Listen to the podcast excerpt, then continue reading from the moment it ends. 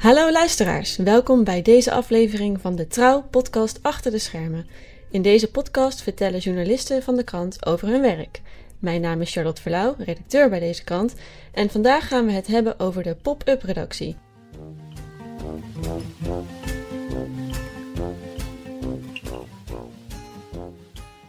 Dat gaan we doen met Petra Vissers, verslaggever integratie en asiel en pop-up redactie veteraan. Hallo Petra. Hallo Charlotte. De pop-up redactie. Ja. Daar gaan we het over hebben. Ja, leuk. Wat is een pop-up redactie? Wat is een pop-up redactie? Um, het idee is, het is een journalistieke vorm die, um, ik denk een jaar of drie geleden inmiddels bedacht is. De, de mm -hmm. eerste die dat deden waren uh, Niels Marcus en Wilfred van der Pol. Want Tal Krielaert was toen de chef van de nieuwsdienst. En um, het is eigenlijk, ja, het, het, is eigenlijk de basis van, van het verslaggeverswerk. Het is eigenlijk uh, bedriegelijk simpel. Het idee is dat je een week lang op één plek zit en daar rond een bepaald thema um, verhalen maakt. Um, en de bedoeling is ook dat, dat wij niet te veel van tevoren produceren. Dus we kijken wat er op ja. ons afkomt, wie we tegenkomen. Uh, een deel van de formule is ook dat uh, uh, twee verslaggevers, het zijn altijd twee. Ik deed het samen met um, Gidi Pols, dat is onze correspondent in Utrecht. Um, dat die ook benaderbaar zijn. Dus um, ik zat samen met Gidi elke middag in de speeltuin in de wijk. Um, zodat ja, buurtbewoners ook langs kunnen komen en verhalen kunnen vertellen. Nou, wij liepen natuurlijk ook door de wijk. Dus ja. de bedoeling is ook dat je aanspreekbaar bent. Dat er interactie plaatsvindt. Oké, okay, maar je hebt het over de wijk. Kun je even vertellen, uh, voor iemand die nu geen idee heeft wat de pop-up redactie eigenlijk is, uh, wat jullie de afgelopen week eigenlijk gedaan hebben? Ja, wat, wat, nou, wat Gidi en ik de afgelopen week uh, gedaan hebben, is um, we hebben verhalen gemaakt rondom het thema uh, van wie is de stad. Um, en dat begon met het gegeven dat je in de cijfers ziet dat steden uh, worden steeds drukker. De komende tien jaar zullen er eigenlijk alle grote steden nog flink gaan groeien. Um, de huisprijzen stijgen, het aandeel huishoudens in de laagste inkomensgroepen neemt af. Het aandeel in de hoogste inkomensgroepen neemt toe. Dus je ziet uh, daar een, een kloof ontstaan. Een kloofje. Mm -hmm. uh, dus wat we eigenlijk wilden is de vraag stellen van wie is dan de stad? Um, Utrecht is relatief gezien de, de snelst groeiende stad mm -hmm. van Nederland. En um, dus wij hebben in Ondiep en Geuzenwijk gezeten. Dat zijn twee wijken in Utrecht die, waar je ziet dat die snel veranderen. Dus er worden veel sociale yeah. huurwoningen verkocht. Um, er wordt veel gesloopt, herbouwd. Huisprijzen stijgen snel. Um, dus we hebben daar de hele week ja, gezeten en rondgelopen en, en, verhalen gemaakt rondom die vraag van, van wie is de stad? En hoe leeft de oude en de nieuwe stedeling samen? Dus dat is wat wij hebben gedaan. Eerdere pop-ups. Uh, ik heb bijvoorbeeld ook een keer op een school gezeten een hele week. Ja. We hebben er een keer een gehad in een GGZ-instelling. Nou ja. ja, want ik noemde jou al pop-up veteraan. Hoeveel pop-up redacties heb jij gedaan? Ik heb er twee gedaan. Oh, dat valt eigenlijk wel mee. Ja, dat valt eigenlijk wel mee.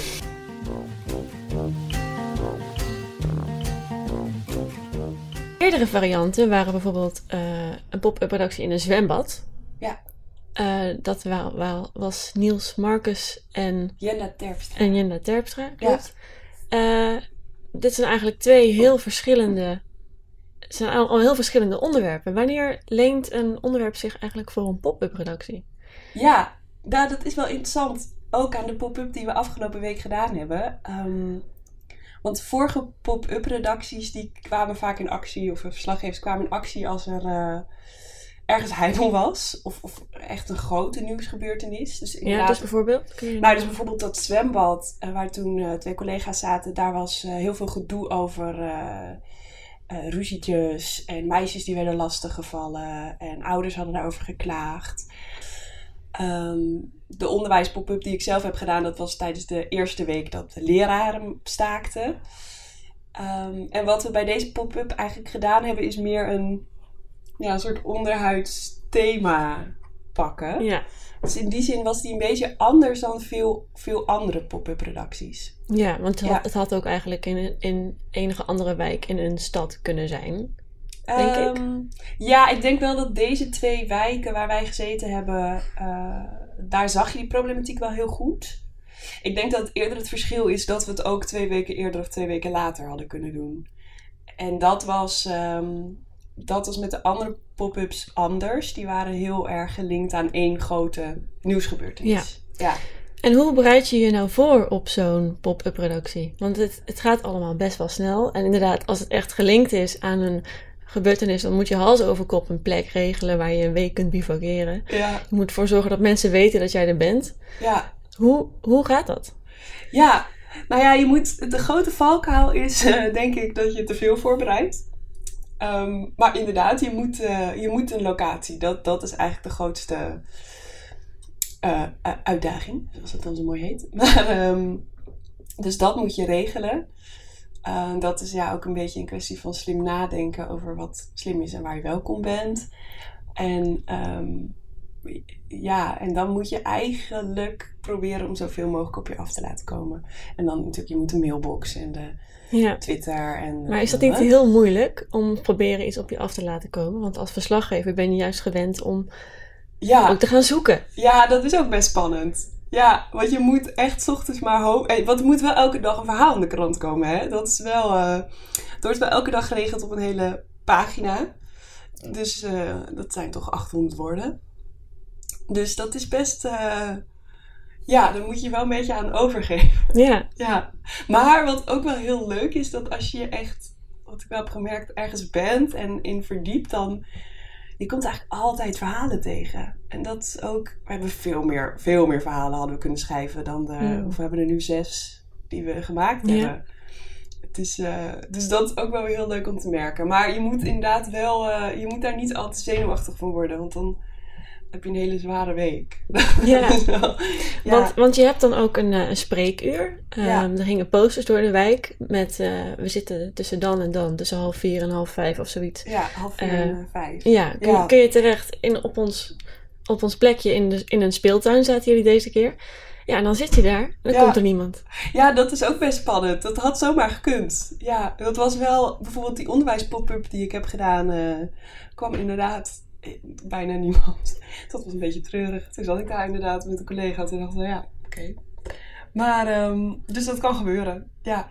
Maar deze pop-up afgelopen week kwamen echt veel mensen. Dat viel me echt eh, in positieve zin heel erg mee. Ja. Maar uit nieuwsgierigheid of kwamen ze om te mopperen over iets? Of kwamen ze heel erg hun verhaal misschien... eh, Ja, nou, het was heel grappig. De eerste dag ehm, hadden we veel trouwlezers. Hè? Echt mensen die zeiden, ja, ik las het in de krant. En die wilden dan, eh, nou ja, vertellen. Sommige mensen kwamen ook helemaal niet uit de wijk. Die wilden geloof ik gewoon even kijken waar we zaten. Maar die wilden ook dan wel vertellen hoe ze in Mhm. hun wijk merkten dat de stad drukker werd. Maar er kwam bijvoorbeeld ook de eerste dag al een, een, eh, een buurtbewoner die, eh, uit de Geuzenwijk. Die woonde om de hoek bij de speeltuin. En die had een, een boek meegenomen. En die zei ja, dit- over de Geuzenwijk. Dat was gemaakt, een fotoboek, een paar jaar geleden. En die zei ja, nee, die mogen jullie wel lenen. En ik heb nog nagedacht over eh, hoe ik jullie nog meer kan helpen. En je kunt deze mensen bellen. En dit is misschien ook wel leuk. Dus die had echt, voor ze kwam, Ja. bedacht ik, ik ga die verslaggevers helpen om de wijk te leren kennen. En die, eh, dus die kwam daarmee aanzetten. En een sociaal werker kwam ook die eerste dag al. Die had ook nog een onderzoek en allemaal namen die Ja. hij aan ons wilde doorgeven. Dus het, het- en, en sommige mensen, naarmate de week vorderde, dat merk je ook in zo'n wijk, praat iedereen met iedereen. kwamen er ook steeds meer mensen die niet eh, per se de krant lezen, maar die dan gehoord hadden dat er journalisten Hm, zaten ja. en dan ook iets wilden vertellen. En, eh, dus dat spreekuur was deze pop-up eh, ja, heel goed geslaagd, vond ik. Ja, dat was heel leuk. Ja, en je zegt, je zei ook al van we proberen ons zo min mogelijk voor te bereiden. Ehm, maar wa- wat bereid je wel voor? Maak je al afspraken met mensen? Heb je al verhalen, ideeën? Ehm, Ja, we hadden. Nou, ik deed het dus samen met eh Gidi Pols. En ehm, hij kent Utrecht goed, want hij is een stadsverslaggever. Ehm, dus hij had bijvoorbeeld al wel een aantal, eh, heel veel cijfers verzameld. En eh, hij had ook al bij Café Murk, daar hadden we een verhaal dinsdag, was hij al een paar keer langs geweest. Dus daar had hij al de contacten gelegd. ja, En, Café eh, Murk is dan een café in, in de wijk wat er al heel erg lang zit. En wat een soort van hart van de stad was. Of eh, een hart van de wijk is Ja. eigenlijk. Ja, klopt. En dat verhaal ging over hoe de buurt rondom dat café verandert. Ja. Dus dat was wel voorbereid. Ja. En dat was ook wel prettig, want dat gaf ons maandag wel rust om. ehm, ja, echt door de wijk te fietsen en met heel veel mensen te praten. Zonder de druk van eh, eh, er moet nu een verhaal alvast komen. Omdat we Café Murk al eh, hadden. Dat dat, dat Gili al, eh, Ja. al voorbereid. Hm. Ja.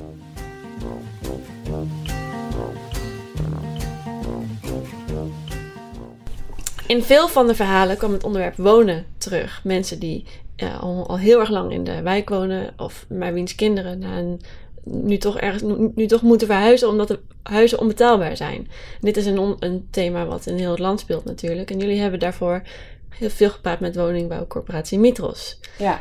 Ehm, hoe, dan, hoe hou je die balans tussen zo- zo'n zo'n gigant als Mitros eigenlijk en het verhaal van eh Tony? Je hebt toch weer, ja ja. precies, Henny en Samantha. Ja, Henny, Henny Ja, en Samantha ja. bijvoorbeeld. Ja. Ja, ja dat is best. ehm, daar moet je wel op letten, denk ik. Omdat ehm wij merkten ook in de loop van de week ging natuurlijk ook. Het, het wethouder ging ons bellen of we hem niet wilden interviewen. En iemand van het wijkbureau. En wel, er komen toch weer ja, hotemtoten jou, je kant op. Ehm, en wat we wel heel erg geprobeerd hebben, is om in ieder geval altijd uit te gaan van de bewoners zelf. Ja. Dus ehm, nou, bijvoorbeeld het verhaal van Henny en Samantha was een verhaal over eh, Henny, die woont al, eh, al vier generaties, woont die familie in, eh, in Ondiep.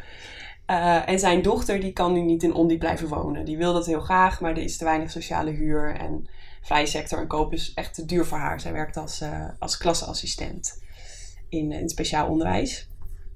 Ehm, zij verdient gewoon te weinig. Nou, dat, dat vond ze heel erg. En dat vonden we ook een heel mooi voorbeeld van ehm, die vraag van ja, wie kan er nog in de stad wonen? Nou, zij dus niet.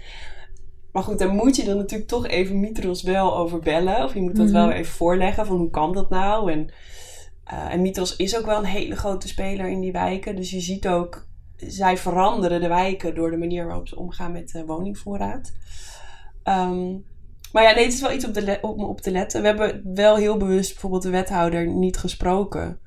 Omdat we dachten, Ja. ja, weet je, die wethouder die kunnen we altijd nog een keer bellen. Eh, die, krijg je, weet je, die, die krijg je wat te pakken en die vind je wel. En zijn verhaal, eh, hij, hij heeft ook genoeg kanalen om zijn eigen verhaal de wereld in te sturen. Ehm, terwijl, nou ja, mensen als Henny en Samantha en ook Roela, die, eh, ja, dan, die moet je, daarvoor moet je in Ja. wijk zijn om die te spreken te krijgen. Ja.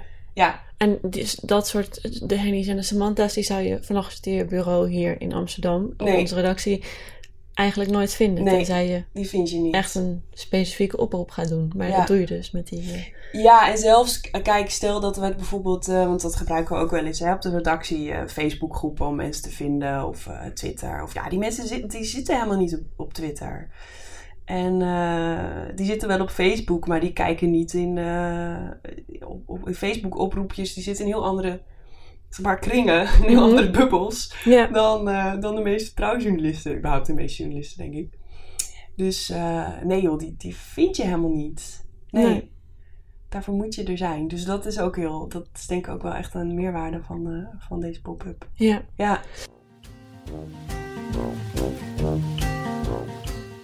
Wat we ook hebben gedaan in het kader van de Pop-Up Week in Utrecht is een livestream via Facebook. ja. Daarin hebben we ehm, de manager strategie van Mitros, ja het strategisch consultant. strategisch Ik consultant. weet niet meer zo. Nou ja. Nou, ehm, Bastiaan in ieder Bastiaan, geval. hij heet Bastiaan. Bastiaan Staphorst. Ja, Bastiaan ja. Geïnterviewd. Ehm, Ja.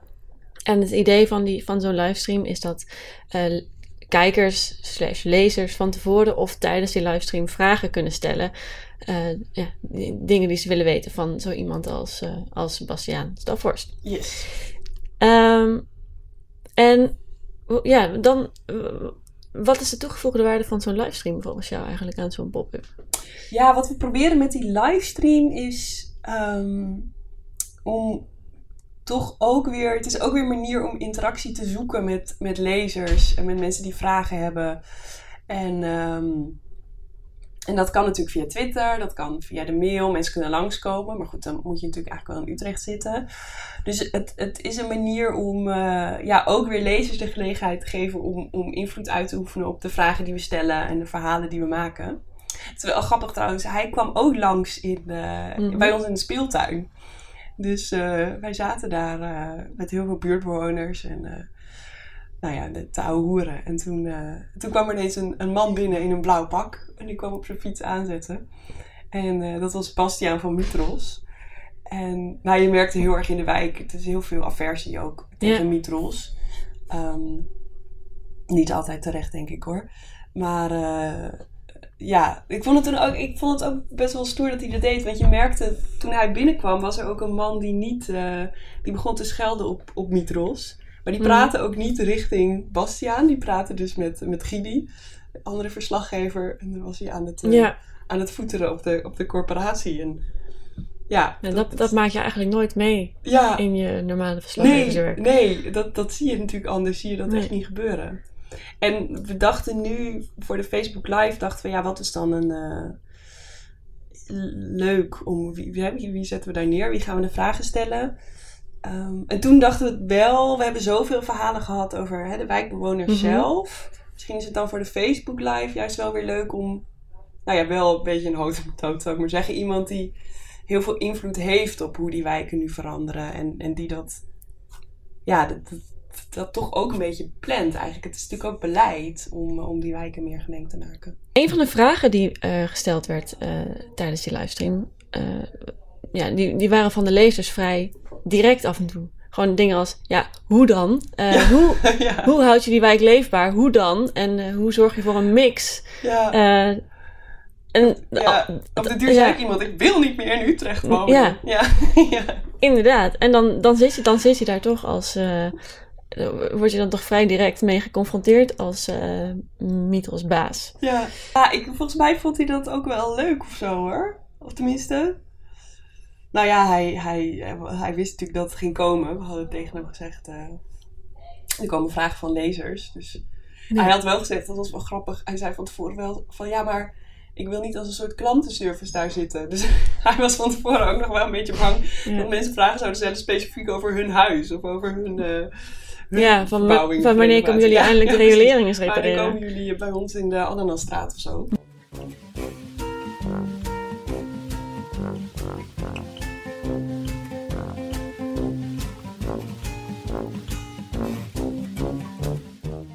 Maar welke andere thema's zijn nog, eh, hebben jullie nu echt ontdekt tijdens deze week in Utrecht?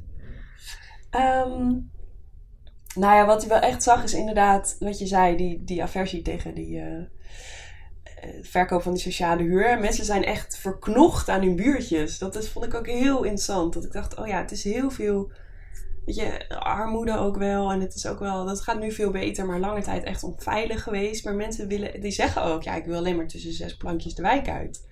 Dat is heel, eh, dat zit heel diep. Ehm, en, en wat je toch ook wel zag, is dat oud en nieuwe bewoners voor een groot deel wel langs elkaar heen leven. Hoewel je. Nou ja, maar het, het laatste verhaal wat jullie maakten, Ja. dat, dat, daar stond de kop boven, oud en nieuw groeit, groeit naar elkaar toe. Precies. Dus langzaam. Het begint wel te komen hoor. En er zijn wel heel veel mensen die heel erg hun best doen. Dus dat is ook wel weer heel. Uiteindelijk is het ook best hoopgevend. Dus zie, het ook, zie ik het ook wel goed komen. Maar het gaat wel langzaam, dat wel. Met, er is wel heel veel misverstanden over en weer. Ehm, ja, en die veiligheid, die rol van de gemeente, vond ik ook toch wel interessant in, in hoe veilig zo'n wijk is.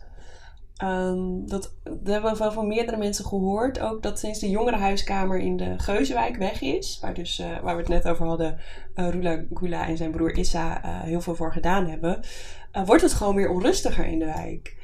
En eh, ja, dat, ik had me ook denk ik nooit goed gerealiseerd hoe belangrijk zo'n plek kan zijn voor, eh, voor jongeren. En, en hoeveel invloed de gemeente dan eigenlijk ook heeft op ehm, nou ja, waar ze terecht kunnen en hoe veilig het dan weer in zo'n, in zo'n buurtje is of voelt voor mensen die daar wonen. Dus dat, eh, ja, dus dat veiligheidsgevoel, die Mm. corporaties, dat samenleven, dat, ja, dat zag je wel. En wat ik ook grappig vond, we hadden natuurlijk die vraag gesteld ehm, van wie is de stad? En, ehm, maar wij waren daar natuurlijk vooral overdag. En dan zie je overdag zie je vooral de oude buurtbewoners. Want al die nieuwe buurtbewoners, ja, dat zijn allemaal Mhm. tweeveniers, die zitten op hun werk. En Ja. toen, eh, ja, ja, Nou, ja, inderdaad. Ja, ja, precies. nou, dat zijn, zijn wij natuurlijk ook, die vervelende Jup. En, ehm, maar het, het was wel grappig, dus dat vertelde ik eh, aan eh, eh, de chef die ik aan de telefoon had. En die zei, oh, maar dan is de stad gewoon nog van de oude bewoners. Nou, overdag. Ja, toen toen zei ik ook. Ik zei ja, overdag. Ik zei de straat is misschien van de oude bewoners. Maar de huizen die zijn van de nieuwe bewoners. Ja. Zoiets. Ja, ja, daar sta je niet bij stil inderdaad. Dat, dat, dat de types die naar jullie toe komen, zijn niet de mensen waar zij eigenlijk bang, bang, tussen Ja, waar aanhalingstekens, waar, waar, de schu- waar dus Ja. frictie plaatsvindt. nee, nee, want die zitten, die hebben ook heel weinig gezien, moet ik zeggen. Of tenminste, die hebben uiteindelijk wel gezien. Maar daar moesten we veel actiever naar zoeken, Ja. zou ik maar zeggen, dan naar eh, de oude ondiepers en betonbuurters. Ja. Ja. En wat is er nou, eh, als je zo terugkijkt op zo'n week, er zit natuurlijk, een, en om even in een cliché te spreken, een enorme rollercoaster. Een enorme Een enorme rollercoaster. rollercoaster. Ja. Ehm, wat, wat, is er, wat is er niet gelukt? Ehm, wel- welke stem had je? Nou, ik denk achteraf, waar we het net over hadden, dat nog wel die stem van die twee verdieners, of die nieuwe, hè, die mensen die in de, in de nieuwe koophuizen zitten, die had misschien nog wel iets ehm, steviger erin gekund. Ja, dat, dat denk ik achteraf Hm, wel. ja. Dat we daar ehm, ja, misschien nog iets meer naar moeten, hadden moeten zoeken. Of ik weet, ja, daar ben ik dan ook nog niet helemaal uit hoe dan precies. Maar ehm, ja, dat had denk ik zeker in het, in het afsluitende verdiepingsverhaal van Mhm. de krant van zaterdag. Had, had dat nog wel iets meer gekund. Ja. En ik denk, wat ook wel grappig is, we hebben natuurlijk, wij hadden zelf heel veel interactie met lezers en met buurtbewoners. En eh, wij, ja, dat vonden wij heel leuk. En via Twitter gebeurde ook best wel veel.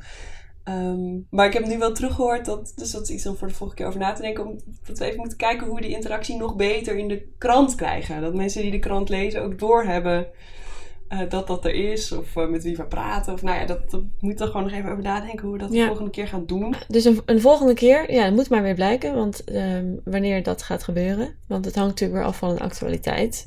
Eh, sterker nog, de vorige pop-up is meer dan een jaar geleden, Ja. geloof ik. Ja, dat is best wel lang geleden inderdaad. Ja, Ehm, Nee, het is inderdaad. ehm, ja, je, moet, je, moet, je kunt het niet van tevoren plannen. Je kunt het niet in je agenda zetten. En het is gewoon best wel een flinke investering. Want je hebt twee verslaggevers daar zitten. Nou, we hadden twee fotografen op standby. Ja, jij bent er natuurlijk nog een middag geweest. Zometeen moet deze podcast ook geëdit worden. En eh, alles wat daarbij komt kijken.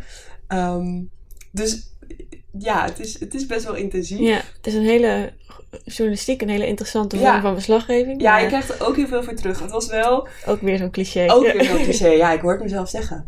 Maar eh, er waren bijvoorbeeld ook, er was ook iemand in beeld die zei... Het is zo leuk dat jullie dit doen. En eh, jullie moeten het compliment ook doorgeven aan de hoofdredactie. Nou, en wij liepen op een deur over straat. En toen fietste een man langs en die stopte. En die zei, jullie zijn die journalisten toch? Ik zei, ja. Ja ik wil jullie bedanken voor alle verhalen. Dus het is ook wel... eh, het, het betaalt zich ook wel uit. Ja, moe maar, Ja. moe maar voldaan naar huis. Ja.